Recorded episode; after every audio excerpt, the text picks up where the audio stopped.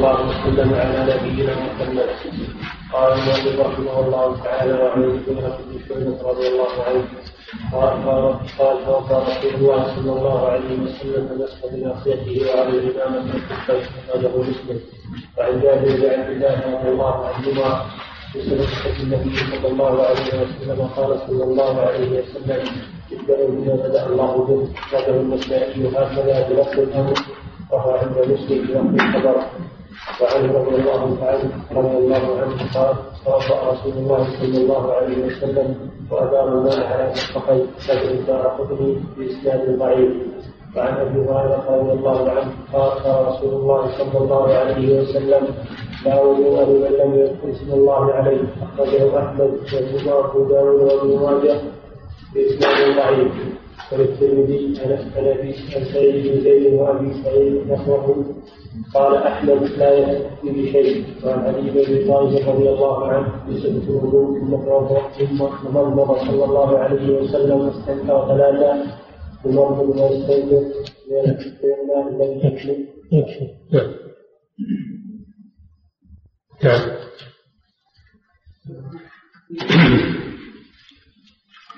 صلى الله وسلم على عبده ورسوله نبينا محمد. وهذه الأحاديث أيضا في أحكام الوضوء. عن المغيرة بن شعبة رضي الله عنه أن النبي صلى الله عليه وسلم توضأ ومسح على ناصيته وعلى العمامة والخفين. رجو مسلم. المغيرة بن شعبة رضي الله عنه صحابي جليل. من أهل الطائف أسلم عام الخندق وهاجر إلى المدينة. وهو من الدهاة المشهورين في العرب تولى الإمارة تولى في عهد النبي صلى الله عليه وسلم بعض الولايات تولى في عهد معاوية وهو الذي كان يوم بيعة الرضوان كان واقفا على رأس النبي صلى الله عليه وسلم بالسيف يحرسه لما جاء المشركون للمفاوضة. قال توضأ النبي صلى الله عليه وسلم فمسح على ناصيته. الناصية هي الشعر المقدم من الرأس. ناصية هي الشعر المقدم من الرأس. قال تعالى كلا لئن لم ينتهي لنسفعا بالناصية. توعد الله سبحانه هذا الكافر لأنه إذا لم ينتهي عن أذية النبي صلى الله عليه وسلم فإن الله سيعاقبه. وفي قوله تعالى يؤخذ بالنواصي جمع ناصية يؤخذ بالنواصي والأقدام. فإذا أريد تعذيب شخص فإنه يقاد بناصيته والعياذ بالله. فهي شعر مقدم الرأس. كان إذا توضأ صلى الله عليه وسلم مسح على ناصيته عرفنا الناصية وعلى العمامة. العمامة هي ما يلف على الرأس. هي ما يلف على الرأس. على شكل أكوار بعضها فوق بعض. ويجعل لها ذؤابة من الخلف. أو تحنيك لأن يدار منها تحت الحنك ما يثبتها على الرأس. فإذا أحكمت على الرأس على هذا الشكل فإنه يصعب نقضها للوضوء. فلذلك رخص الله سبحانه وتعالى في المسح عليها فكان صلى الله عليه وسلم يمسح عليها كما في هذا الحديث وفي غيره. وهذا من تيسير الله سبحانه وتعالى. المسح على العمامة يكفي عن مسح الرأس ويمسح على الخفين يعني إذا لبس الخفين على الرجلين فإنه يمسح عليهما. وهذا أيضا من الرخص والتيسير على الأمة لأن خلع الخفين إذا لبسهما الإنسان وشدهما وثبتهما على رجليه فإن خلعهما لأجل غسل الرجلين يشق. على المسلم لذلك رخص الله سبحانه وتعالى المسح عليهما وهذا سيأتي بحثه إن شاء الله في باب المسح على الخفين. ولكن المقصود هنا أول الحديث مسح على الناصية وعلى العمامة. هذا هو المقصود. أما المسح على الخفين فيأتي له باب خاص. فدل هذا الحديث على أنه إذا كان على رأسه عمامة والعمامة المعروفة عند العرب التي تدار أكوارها على الرأس وتحكم ففي هذا تفصيل. إن كانت العمامة سافرة لكل الرأس إن كانت العمامة سافرة لكل الرأس فإنه يكفي المسح عليها. أما إذا كان يظهر بعض الرأس فإنه يمسح على ما ظهر من الرأس ويكمل على العمامة. ولهذا يقول العلامة ابن القيم رحمه الله في زاد المعاد إن مسح الرأس له ثلاث حالات حسب ما ورد عن الرسول صلى الله عليه وسلم. الحالة الأولى أن يكون الرأس مكشوفا ليس عليه عمامة. ففي هذه الحالة يمسح الرأس. ليكون الرأس ليس عليه عمامة فيمسح كله كما سبق في صفة وضوء النبي صلى الله عليه وسلم وأنه يجعل يديه على مقدم رأسه ثم يمرهما إلى قفاه ثم يردهما إلى المكان الذي بدأ منه. هذا إذا لم يكن على الرأس عمامة. الحالة الثانية أن يكون على الرأس عمامة مغطية لجميعه ففي هذه الحالة يمسح على جميع العمامة ويكفي مسحها عن مسح الرأس. الحالة الثالثة أن يكون على الرأس عمامة يظهر منها بعض الرأس. يعني لا تكون مغطية لكل الرأس. ففي هذه الحالة يمسح على ما ظهر من الرأس ويكمل على العمامة يمسح على الناصية ويكمل على العمامة. هذه صفات المسح الواردة عنه صلى الله عليه وسلم.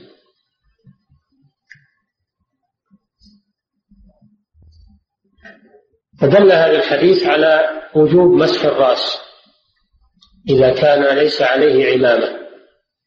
وهذا سبق في الأحاديث السابقة. ودل على أنه إذا كان عليه عمامة فإنه يمسح على العمامة. فإن كان فإن كانت الناصية ظاهرة لم تغطها العمامة فإنه يمسح على على الناصية وعلى العمامة. وليس في الحديث أنه يكفي مسح بعض الرأس كما قال بعضهم. يعني يقولون لو مسح ربع الرأس أو مسح على الناصية يكفي. لا هذا غلط.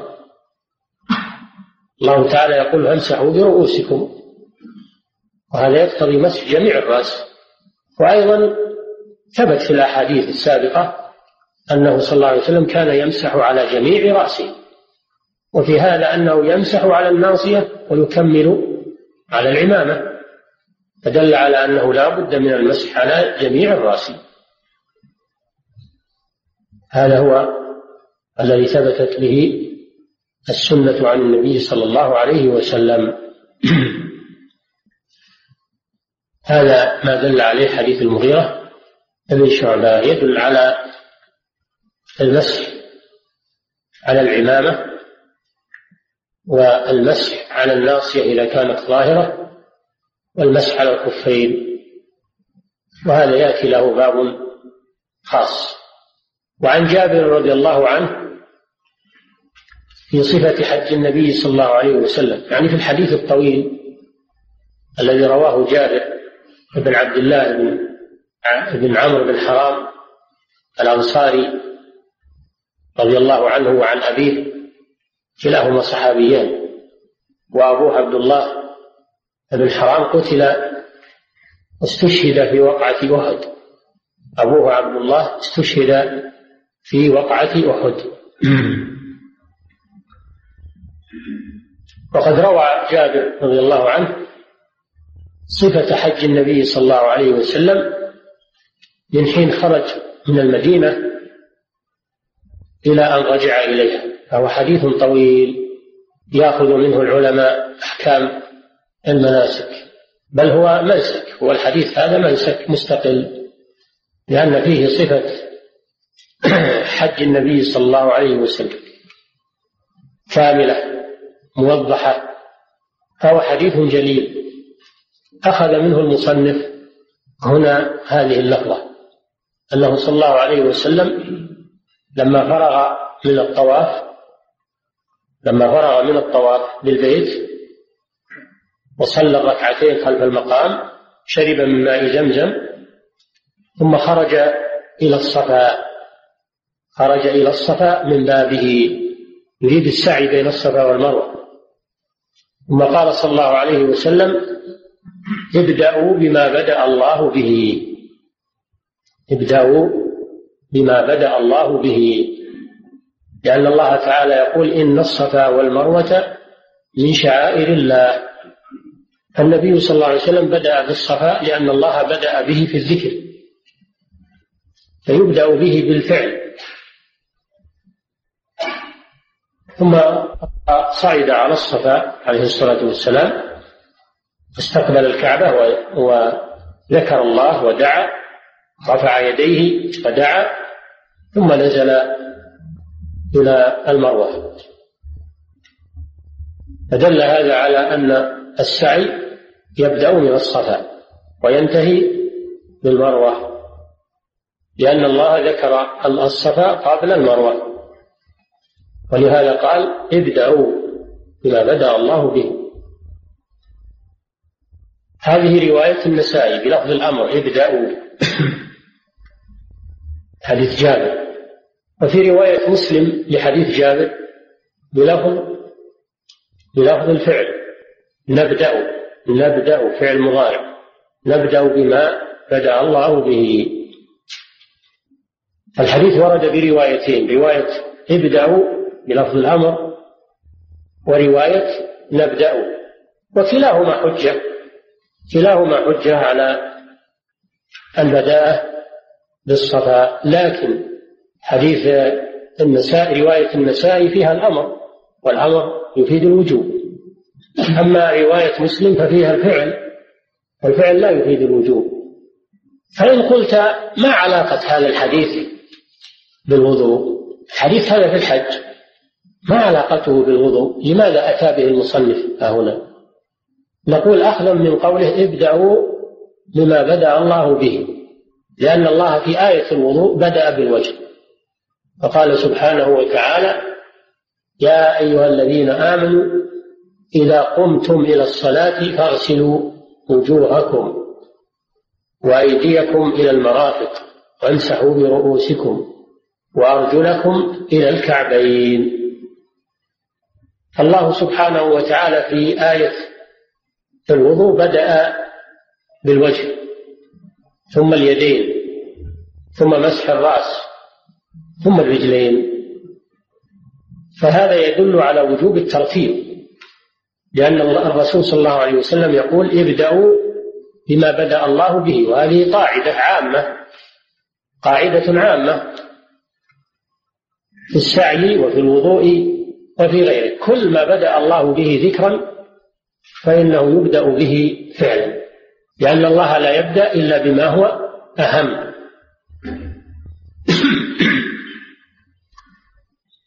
فيدل ذلك على وجوب الترتيب في الوضوء بأن يغسل وجهه ثم يديه ثم يمسح برأسه ثم يغسل رجليه. فلو عكس وبدأ بالرجلين ثم مسح رأسه ثم غسل يديه ثم وجهه لم يصح وضوءه لأنه لم يتوضأ كما أمر الله سبحانه وتعالى. فدل هذا على أن الترتيب في الوضوء واجب. والترتيب في الوضوء من فروض من فروض الوضوء. يعني من واجبات الوضوء التي لا يصح إلا بها. هذا هو مقصود المصنف رحمه الله من إتيانه بهذا الحديث. ابدأوا بما بدأ الله به. هذا عام. كل شيء بدأ الله به فإنه يبدأ به في الفعل في السعي وفي الوضوء في غير ذلك. ابدأوا بما بدأ الله به. وهذا مذهب جمهور أهل العلم أن أنه أن أن الترتيب شرط لصحة الوضوء. فلو لم يرتب لم يصح وضوءه. هذا مذهب جمهور أهل العلم. ومن الأدلة على وجوب الترتيب أيضا من نفس سياق الآية أن الله سبحانه وتعالى أدخل الممسوح بين المغسولات فقال وامسحوا برؤوسكم وأرجلكم إلى الكعبين. فالوجه واليدان والرجلان هذه تغسل والغاس يمسح فإدخاله الممسوح بين المغسولات يدل على وجوب الترتيب. لأن قطعه للنظير عن نظيره يدل على وجوب الترتيب. أدخل ممسوحا بين مغسولين فدل على وجوب الترتيب. هذا من سياق الآية الكريمة. إذا فالترتيب في الوضوء واجب. من كتاب الله ومن سنة رسول الله صلى الله عليه وسلم. فدل هذا الحديث على وجوب الترتيب في الوضوء على ما جاء في الآية الكريمة بداءة بالوجه ثم اليدين ثم مسح الرأس ثم الرجلين. ودل أيضا على القاعدة العامة أن ما بدأ الله تعالى به في الذكر يبدأ به بالفعل. هذه قاعدة. قاعدة عامة تستفاد من حديث جابر. ابدأوا بما بدأ الله به أو نبدأ بما بدأ الله به. هذا ما يستفاد من حديث جابر في صفة حج النبي صلى الله عليه وسلم. وعنه أي عن جابر رضي الله عنه قال كان النبي صلى الله عليه وسلم إذا توضأ أدار الماء على مرفقيه كان تفيد الاستمرار تفيد الاستمرار والمداومة. إذا توضأ يعني إذا أخذ في الوضوء المراد توضأ يعني أخذ في الوضوء فإنه يدير الماء الذي يغسل به يديه يديره على مرفقيه الله تعالى يقول وأيديكم إلى المرافق إلى المرافق والأصل أن الغاية لا تدخل في المغير ولكن دل هذا الحديث على دخوله. الغاية المرفق إلى المرافق والأصل أن الغاية لا تدخل في المغير وقد تدخل إذا دل على ذلك دليل وهذا الحديث دل على ذلك. فالمرفق داخل في المقصود فتكون إلى بمعنى مع. وأيديكم إلى المرافق يعني مع المرافق. مثل قوله تعالى ولا تأكلوا أموالهم إلى أموالكم. إلى هنا بمعنى مع يعني لا تأكلوا أموال اليتامى مع أموالكم. لكن هذا الحديث أخرجه الدار قطني بإسناد ضعيف. لأن فيه القاسم بن محمد بن عقيل وهو ضعيف. لكن فيه حديث في صحيح مسلم عن أبي هريرة رضي الله عنه أن النبي صلى الله عليه وسلم غسل يديه حتى أشرع في العضد. حتى أشرع في العضد. فهذا يدل على غسل المرفقين لأن الإشراع في العضد يقتضي غسل المرفقين لأن المرفق هو المفصل الذي يجمع بين الذراع والعضد. فكونه صلى الله عليه وسلم أشرع في العضد يعني أوصل الغسل إلى العضد هذا يدل على أنه غسل المرفقين. وهذا الحديث في صحيح مسلم. فهو يدل لما دل له حديث جابر أدار الماء على على مرفقيه فلو توضأ الإنسان ولم يغسل مرفقيه لم يصح وضوءه. هذا يجب التنبه له. لو توضأ الإنسان وغسل ذراعيه ولم يغسل المرفقين لم يصح وضوءه. لأن النبي صلى الله عليه وسلم ثبت عنه أنه كان يغسل المرفقين مع الذراعين. وفعله صلى الله عليه وسلم مفسر للآية الكريمة وموضح لها فيجب العمل بذلك. هذا ما يدل عليه حديث جابر. وعن أبي هريرة رضي الله عنه أن النبي صلى الله عليه وسلم قال لا وضوء لمن لم يذكر اسم الله عليه. رجه أحمد وأبو داود وابن ماجه وإسناده ضعيف لأن فيه يعقوب بن سلمة الثقفي عن أبيه عن أبي هريرة. قالوا ويعقوب لم يثبت له سماع عن أبيه وأبوه لم يثبت له سماع عن أبي هريرة. الحديث فيه انقطاع. فلذلك قالوا إنه ضعيف. وعن وللترمذي عن سعيد بن زيد وأبي سعيد نحوه. سعيد بن زيد هو سعيد بن زيد بن عمرو بن نفيل ابن عم عمر بن الخطاب رضي الله تعالى عنه. سعيد هذا من العشرة المبشرين بالجنة. سعيد بن زيد من العشرة المبشرين في الجنة. وأبوه عمرو بن زيد سواء أبوه زيد بن عمرو بن نفيل أبوه زيد بن عمرو بن نفيل هذا كان من العباد في الجاهلية. كان مؤمنا بالله عز وجل وترك عبادة الأصنام. وكان من الموحدين. ومات قبل بعثة النبي صلى الله عليه وسلم. وهو على دين إبراهيم عليه الصلاة والسلام.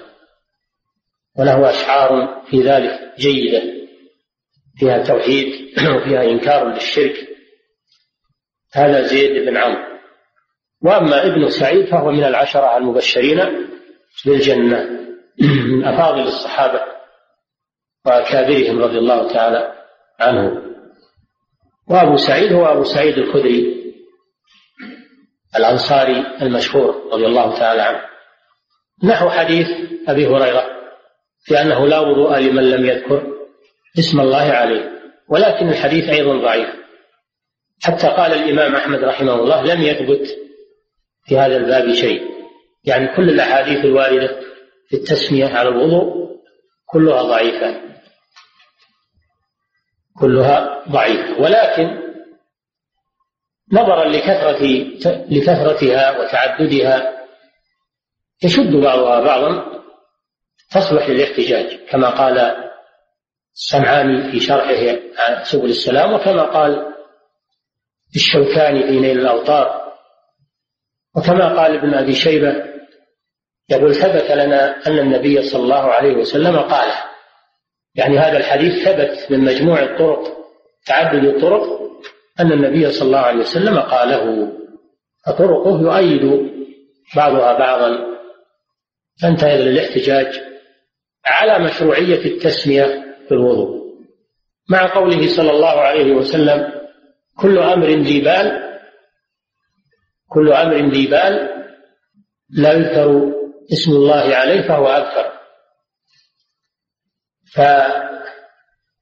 فالأمور المهمة يشرع ذكر اسم الله في بدايتها بأن يقول بسم الله بهذا اللفظ بسم الله. لا يقول بسم الله الرحمن الرحيم وإنما يقول بسم الله يكفي. ولو قال غير بسم الله لم يجزي. لو قال الحمد لله أو الله أكبر أو سبحان الله لم يجزيه ذلك. يتعين أن يقول بسم الله. ومشروعية التسمية في أول الوضوء مجمع عليها المشروعية مجمع عليها لكن اختلفوا. هل هي واجبة ولا سنة؟ فالجمهور على أنها سنة. الجمهور على أنها سنة. لو تركها وضوءه صحيح. وعلى هذا يكون النفي في قوله لا وضوء لمن لم يذكر اسم الله عليه من نفي الكمال. يعني لا وضوء كامل. يكون النفي نفي الكمال. وذهب الإمام أحمد رحمه الله إلى وجوب التسمية في الوضوء في بداية الوضوء. وعلى هذا يكون النفي في قوله لا وضوء نفي للصحة نفي للصحة. ومعناه لا وضوء صحيح لمن لم يذكر اسم الله عليه. فالقول بأن بأن التسمية بالوضوء واجبة وأنه لا يصح الوضوء إلا بها هذا من مفردات مذهب الإمام أحمد. الأئمة الثلاثة مالك والشافعي أبو حنيفة ومالك والشافعي يرون أنها سنة. وأما الإمام أحمد فيرى أنها واجبة على الذاكر على الذاكر. أما إذا نسيها فوضوءه صحيح. تجب مع الذكر عند الإمام أحمد. وتسقط مع النسيان لقوله صلى الله عليه وسلم عفي لأمتي الخطأ والنسيان وما استكرهوا عليه. على كل حال التسمية مشروعة في بداية الوضوء عند الجميع ولكن الجمهور على أنها مستحبة. وذهب الإمام أحمد وطائفة من العلماء إلى أنها واجبة على الذاكر وتسقط عن الناس. وليس هناك أذكار تقال في الوضوء إلا التسمية في أوله يعني يقول بسم الله وإذا انتهى فإنه يقول أشهد أن لا إله إلا الله له لا شريك له وأشهد أن محمدا عبده ورسوله.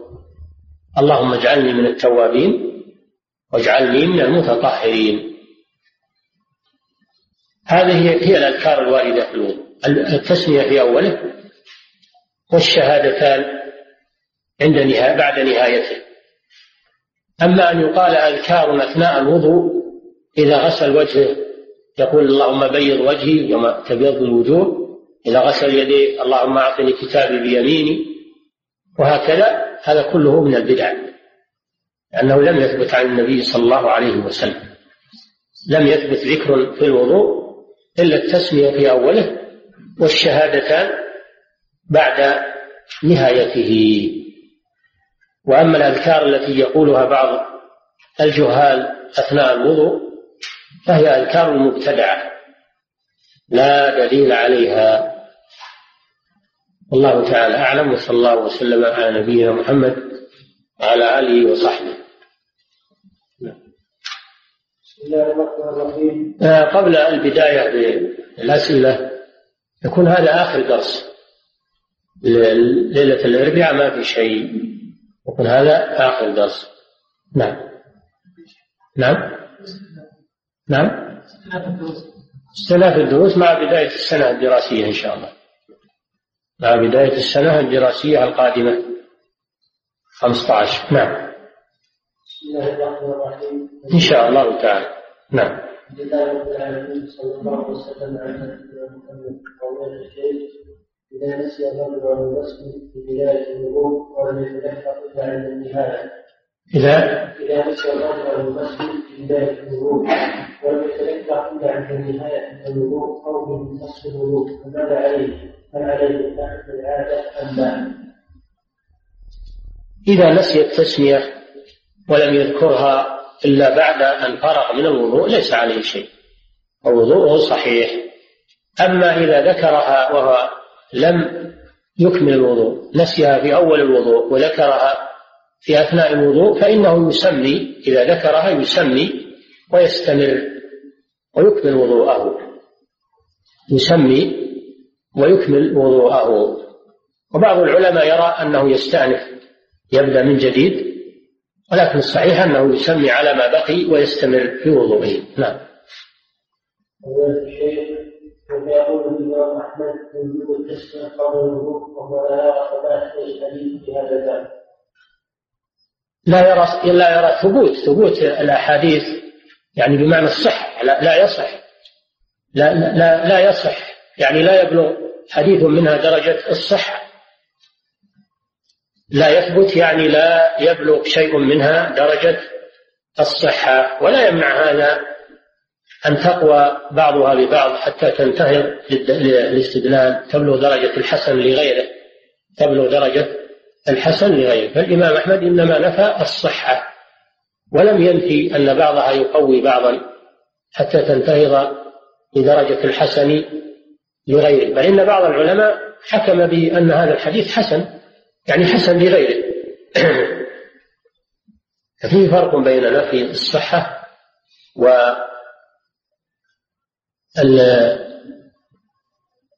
تقوية الطرق بعضها لبعض حتى تصلح للاحتجاج. نعم.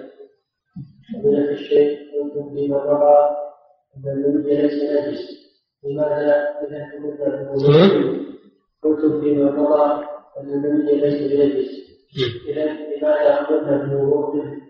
لأنه خارج. وليس بنجس في ذاته ولكن يؤمر بالوضوء منه لأنه خارج من السبيلين. وكل خارج من السبيلين فإنه يوجب الوضوء. وإذا كان خرج بشهوة إذا كان المني خرج بشهوة ودفق فإنه يوجب الاغتسال. يوجب الاغتسال. أما إذا خرج بدون شهوة فإنه يوجب الوضوء لأنه خارج من السبيلين.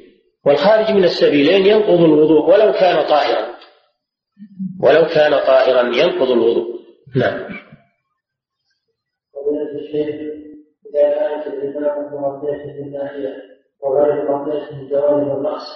وكيف يكون ومغفرة وكيف يكون هنا؟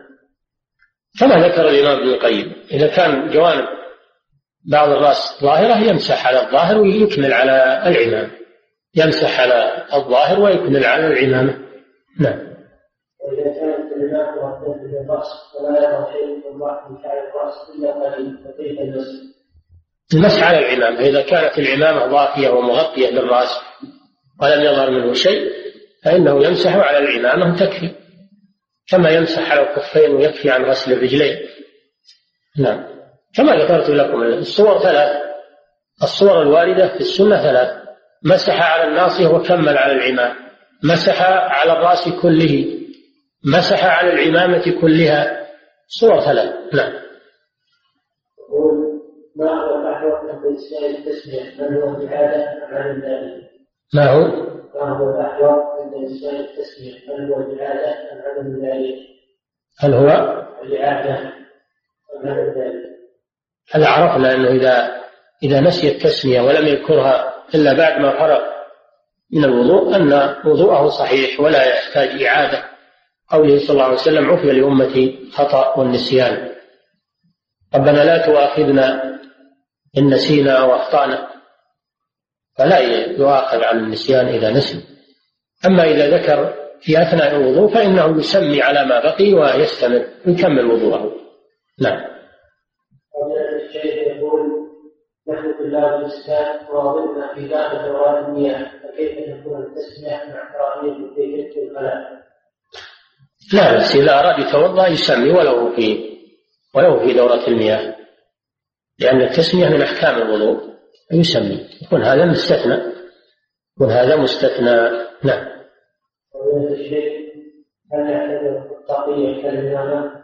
لا. الطاقية ليست كالعمامة. الطاقية والقلنسوة والقبعة كل أغطية الرأس لا تأخذ حكم العمامة. العمامة خاصة هي التي وردت السنة بالمسح عليها فيقتصر يقتصر عليها. أما أغطية الرأس الأخرى كالطاقية والقلنسوة والقبعة طربوش ما يلبس على الرأس هذه كلها لا يمسح عليها. نعم. إذا اغتسل الرجل غسلا كاملا إذا؟ إذا اغتسل الرجل غسلا كاملا ونوره هذا يصح وضوءه دون ترتيب إذا نوى إدخال الوضوء في الاغتسال يسقط الترتيب يفيض الماء على جسمه يفيض الماء على جسمه ناويا الطهارتين ويدخل الوضوء يدخل في الاغتسال. ولا ترتيب هنا لأن الأصغر دخل في الأكبر. فصار الحكم للأكبر وهو الاغتسال. نعم. فضيلة الشيخ يقول إذا ظهر بعض الرأس من الخلف وهل يمسح عليه وعلى الإمامة؟ نعم يمسح عليه وعلى العمامة يمسح عليه وعلى العمامة إلا إذا تدلى الرأس الرأس طويل جدايل نازل طويل هو يمسح على الرأس فقط ولا يحول يديه مع الجدايل أو مع الشعر النازل. لا. يمسح على الرأس على ما يحاذي الرأس فقط. نعم.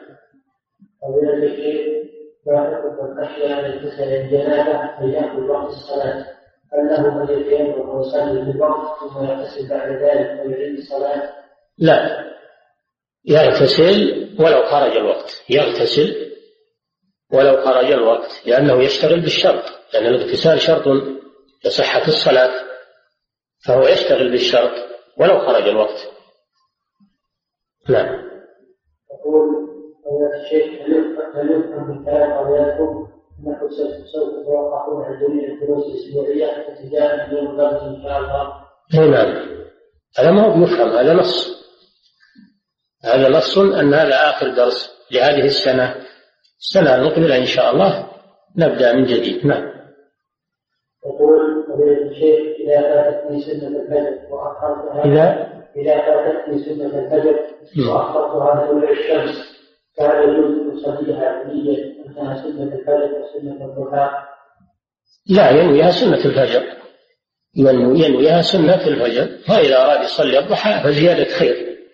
نعم. يقول فضيلة الشيخ إذا توضأ أثار الماء على المرفقين الحديث إذا توضأ الماء إذا توضأ أثار الماء على صلى الله عليه وسلم ما إسناد هذا الحديث كما سمعت؟ أخرجه الدار قطني بإسناد ضعيف لأن فيه القاسم بن محمد بن عقيل وهو ضعيف ولكن أصل الحديث في صحيح مسلم. كان صلى الله عليه وسلم يغسل يديه حتى يشرع في العضد. هذا في صحيح مسلم. وهو يكفي عن هذا الحديث. بل إن الشارح يقول لو أن المصنف جاء بحديث مسلم لكان أحسن. نعم حديث أبي هريرة في مسلم. نعم. يقول فضيلة الشيخ هل هناك فرق بين غسل الجنابة وغسل التبرك من ناحية نفسية الوضوء؟ هل؟ هناك فرق بين غسل الجنابة وغسل التبرك من ناحية الوضوء؟ وهل عليه أن يتوضأ ويستنشق؟ نعم.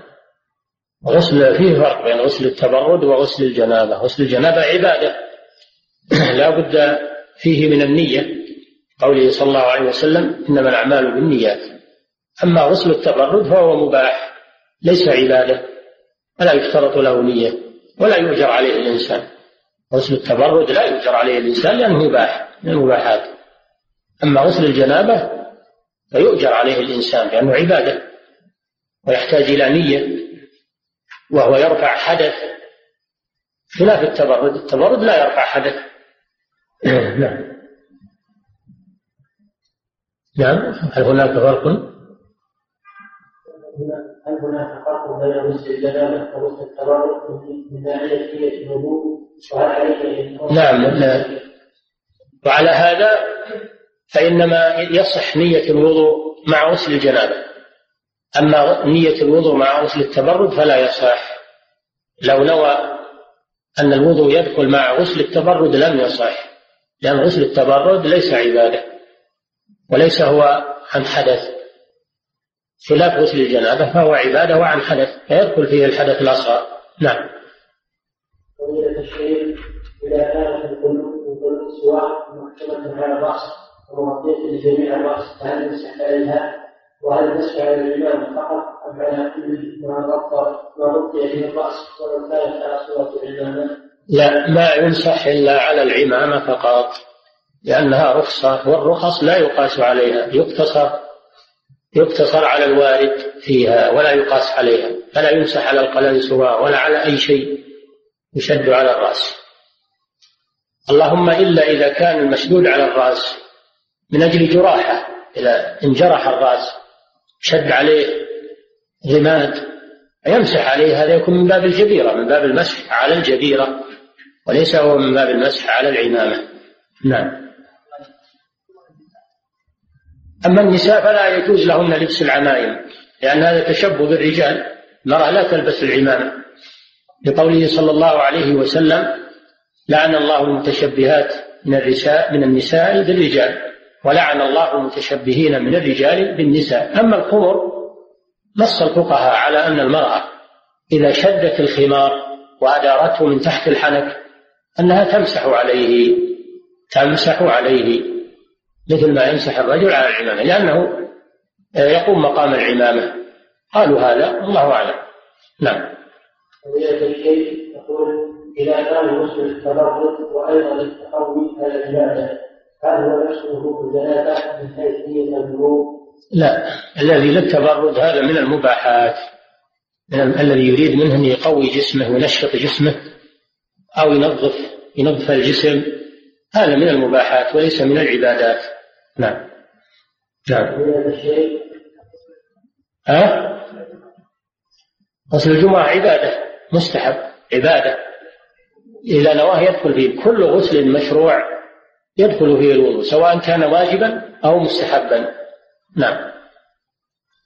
الشيخ يقول ما حكم من استعمله أناس على أموال الصدقات بصرفها في مصارفها؟ ثم احتاج إلى شيء منها فأخذه فرده بدون علم بدون علمه هذه أمانة إذا إنسان أعطي زكوات يوصلها إلى الفقراء فهي أمانة في يده.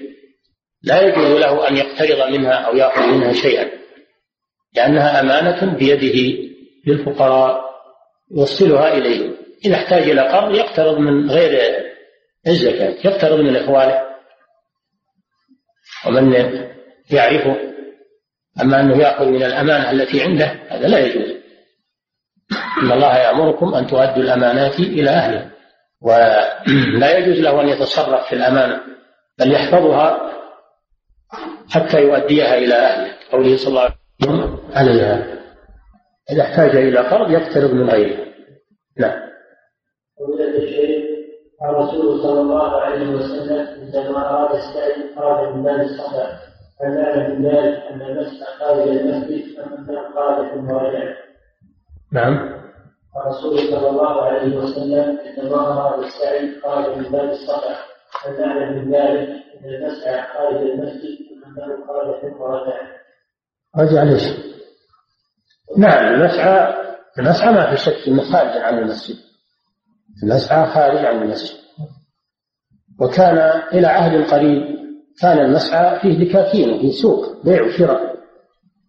ولا ما كان يصلى فيه. كان سوق بيع وشراء عليه دكاكين وبسطات إنما أدخل في العمارة الجديدة. إنما أدخل المسعى المسجد بالعمارة الجديدة أما قبل ذلك إلى عام إلى عام 73 بل إلى عام 75 إلى عام 75 وهو خارج المسجد. يعتبر شارع من الشوارع. نعم. يقول فضيلة الشيخ هل فيه فرق بين الحرفين إلى وحتى في قول الله تعالى ولم يكن من المراقب وفي قوله تعالى حتى يجد الله الخير والأجل من لا فرق بينهما كلاهما حرف غاية. كلاهما حرف غاية حتى تأتي للغاية وإلى للغاية. كلوا واشربوا حتى يتبين. يعني إلى حتى هنا بمعنى إلى إلى أن يتبين لكم. نعم. يقول فضيلة الشيخ ما هو ابتداء إقرار السنة كما يحدث في الجوارح الحكومية وذلك أنه يكتب على جميع الموضوعات الحكومية المسألة وهذه المرات كثيرة ما تمر في الآيات ولا نستطيع الحديث من هذا الأمر. الحمد لله الدين يسر و... وإذا كتبت بسم الله الرحمن الرحيم على الأبواب والأوراق فلا مانع من ذلك سواء كانت أوراقا حكومية أو غير حكومية. ولا مانع من ذلك. فالإنسان ما يتعمد إهانة الاسم ما يتعمد. أما إذا لم يقصد فليس مسؤولا عن ذلك ولا ولا حرج فيه إن شاء الله. والمشقة تجلب التيسير يعني الإنسان اللي يقتل يجمع الأوراق اللي فيها بسم الله يقتل يقتل هذا ما هو معقول هذا.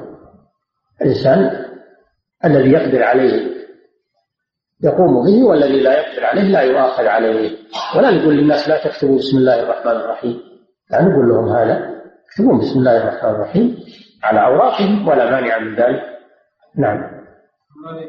نعم. أنت إذا كان لك ورقة وفيها بسم الله الرحمن الرحيم واستغنيت عنها ما تسلها ولا أحرقها الورقة اللي بيدك. أما اللي بيد غيرك أو مع الناس ما أنت مسؤول عنها.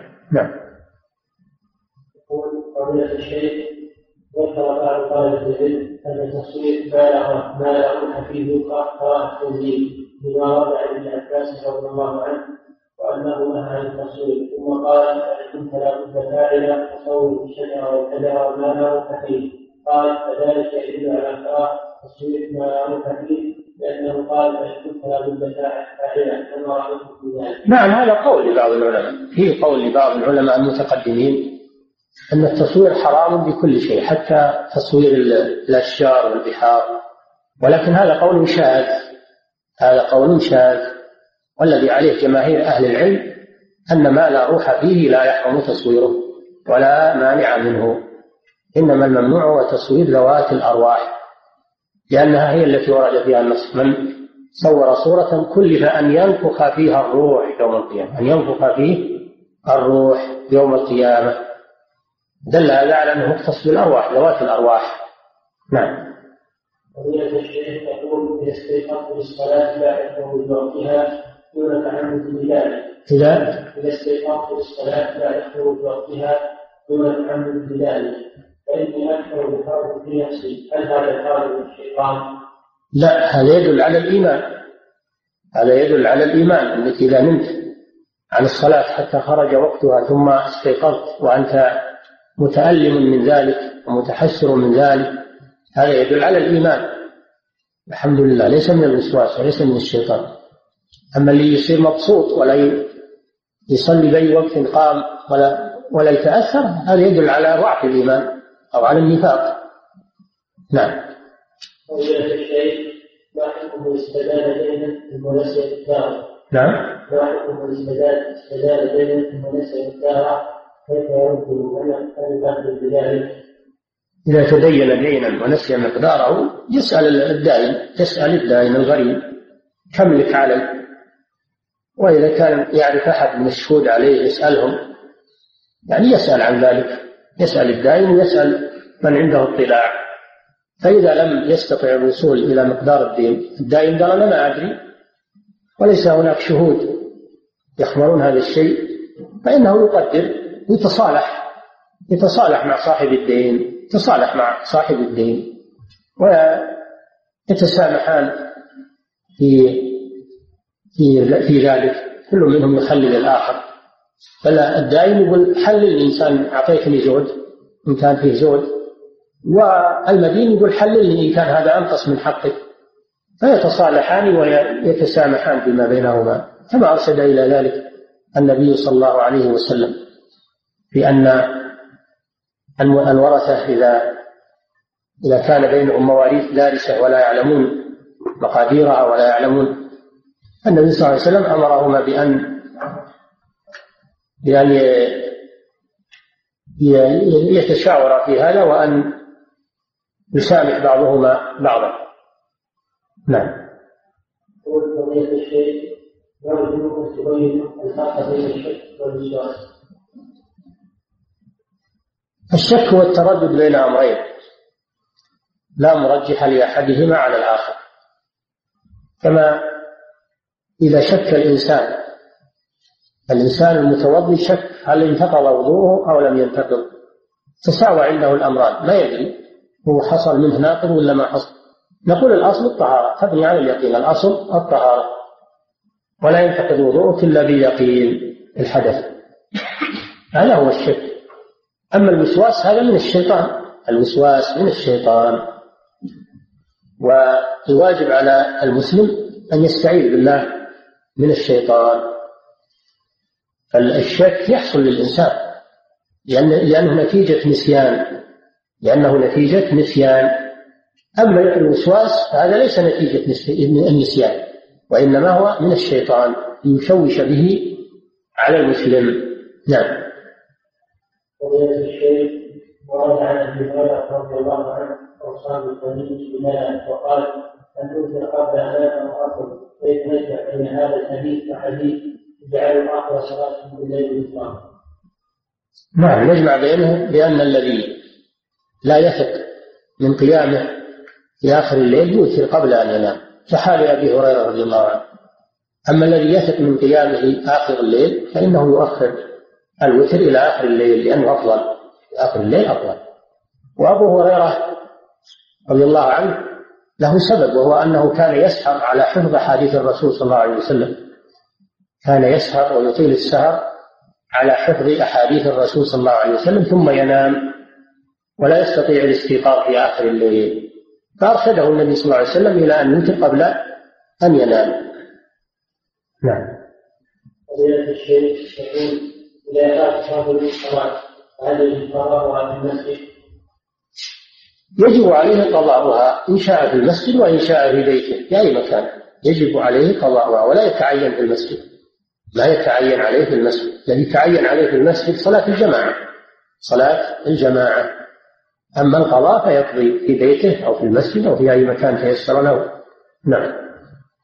يقول دائما ما أحدث نفسي بمعاصي والتخيلات للمعاصي بذلك مما يعفى عنه؟ هذا مما يعفى عنه. قال صلى الله عليه وسلم عفي لأمة الخطأ والنسيان وما حدثت به أنفسها أو أنفسها ما لم تتكلم أو تعمل.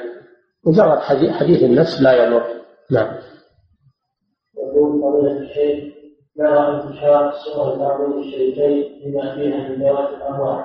فلم تكن فيها وهل يجوز تعريفها في البيت بعد الوقت ليس واضح على كل حال الصور التي غير واضحة ما تضر. إذا كانت غير واضحة مجرد صور صغيرة ولا ولا وليست واضحة هذه لا تضر. ولكن تعليق تعليق على الجدران وش الداعي له؟ لا داعي لتعليق سورة الحرم على الجدران. هذا لا داعي له. لأنه يخشى أن تتعلق القلوب بهذه الصورة والجهال يتعلقون بها ويتبركون بها. ولو على المدى البعيد فلا ينبغي هذا نعم. وليس الشيخ يقول توضأت للصلاة وبعد الصلاة وجدت أن الجسم صغيرا لم يحيي توضأت الصلاة وبعد الصلاة وجدت أن الجسم صغيرا لم يحيي الماء هل صلاتي صحيحة أم أعيد الصلاة؟ إذا تأكدت أن هذا الجزء لم يصله الماء فإنك تتوضأ من جديد وتعيد الصلاة. تتوضأ من جديد وتعيد الصلاة. لأن النبي صلى الله عليه وسلم أمر الذي رأى فيه لمعة لم يصبها الماء أمره أن يعيد. نعم. يقول صلي في المسجد بينما بين مراجعة السنة الراتبة وأدخلها تحية المسجد. صلي في المسجد.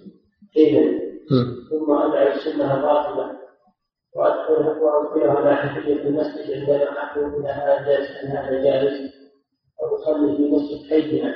ثم أدعي السنة الراتبة إيش يقول؟ صلي في مسجد حينا. ثم أدعي السنة الراتبة وأدخلها مع تحية المسجد عندما أحكم إلى هذا الجالس أن هذا جالس لا بأس بذلك لا بأس بذلك. يعني تصلي في مسجد آخر ثم تأتي للدرس وتأخر الراتبة تصليها هنا تكفي عن تحية المسجد. نعم. يقول ذكر بعض الإخوة أنهم أفتيت بأن النداء في سائر الذنوب من النداء في انفراده كما صح ذلك وما هو الحكم في هذا من آه الشائعات كثيرة والتوهمات كثيرة. كثيرا ما ينسب لطلبة العلم فتاوى غير صحيح. فعلى الذي قال هذه المقالة يجيب الفتوى يجيب الفتوى هل هي مكتوبة ولا مسجلة. أما مجرد أن فلان أفتى هذا لا يجوز. أنا ما أفتيت في هذا ولا أذكر أني أفتيت في هذا. والبنوك الربوية كلها سواء. البنوك الربوية كلها سواء. الإيداع فيها إن كان للاستثمار فهو حرام. أما إن كان الإيداع فيها للشهر فقط فهذا يجوز للضرورة. إذا كان عنده دراهم كثيرة ويخشى عليها تسرق ليس هناك مكان يحفظها إلا البنك يودعها إلى أن يحتاجها أو يأخذها ولا يأخذ عليها فوائد ربوية هذا لا مانع منه من أجل الضرورة. وين يدعون الناس؟ دراهمهم وأموالهم وين يدعون؟ هذا ضرورة. فهذا جائز وأفتى به العلماء. أفتى به العلماء من أجل الضرورة. في بنك الراجح وفي غيره. أما الإيداع من أجل الاستثمار الربوي هذا حرام فلا يجوز. نعم. يقول فضيلة الشيخ والدليل على قول بعض الفقهاء إن الحائض إذا طهرت قبل الغروب صلت الظهر والعصر الدليل؟ على قول بعض الفقهاء أن الحائض اذا طهرت قبل الغروب صلت الظهر والعصر وإذا طهرت قبل الفجر صلت العشاء والمغرب يعني الدليل.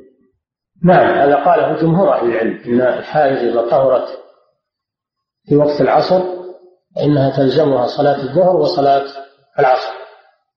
وإذا طهرت في وقت العشاء فإنها تلزمها صلاة المغرب وصلاة العشاء. لأن الصلاتين يجمعان في حالة العذر. لأن الصلاتين يجمعان في حالة العذر. وهذا عذر. الحيض بقاء الحيض عليها إلى وقت العشاء أو إلى وقت العصر هذا عذر من الأعذار. فإذا زال هذا العذر فإنها تصلي الصلاتين مجموعتين. نعم. لأن وقت الصلاتين في حالة العذر يكون وقتا واحدا. فإذا طهرت في وقت العصر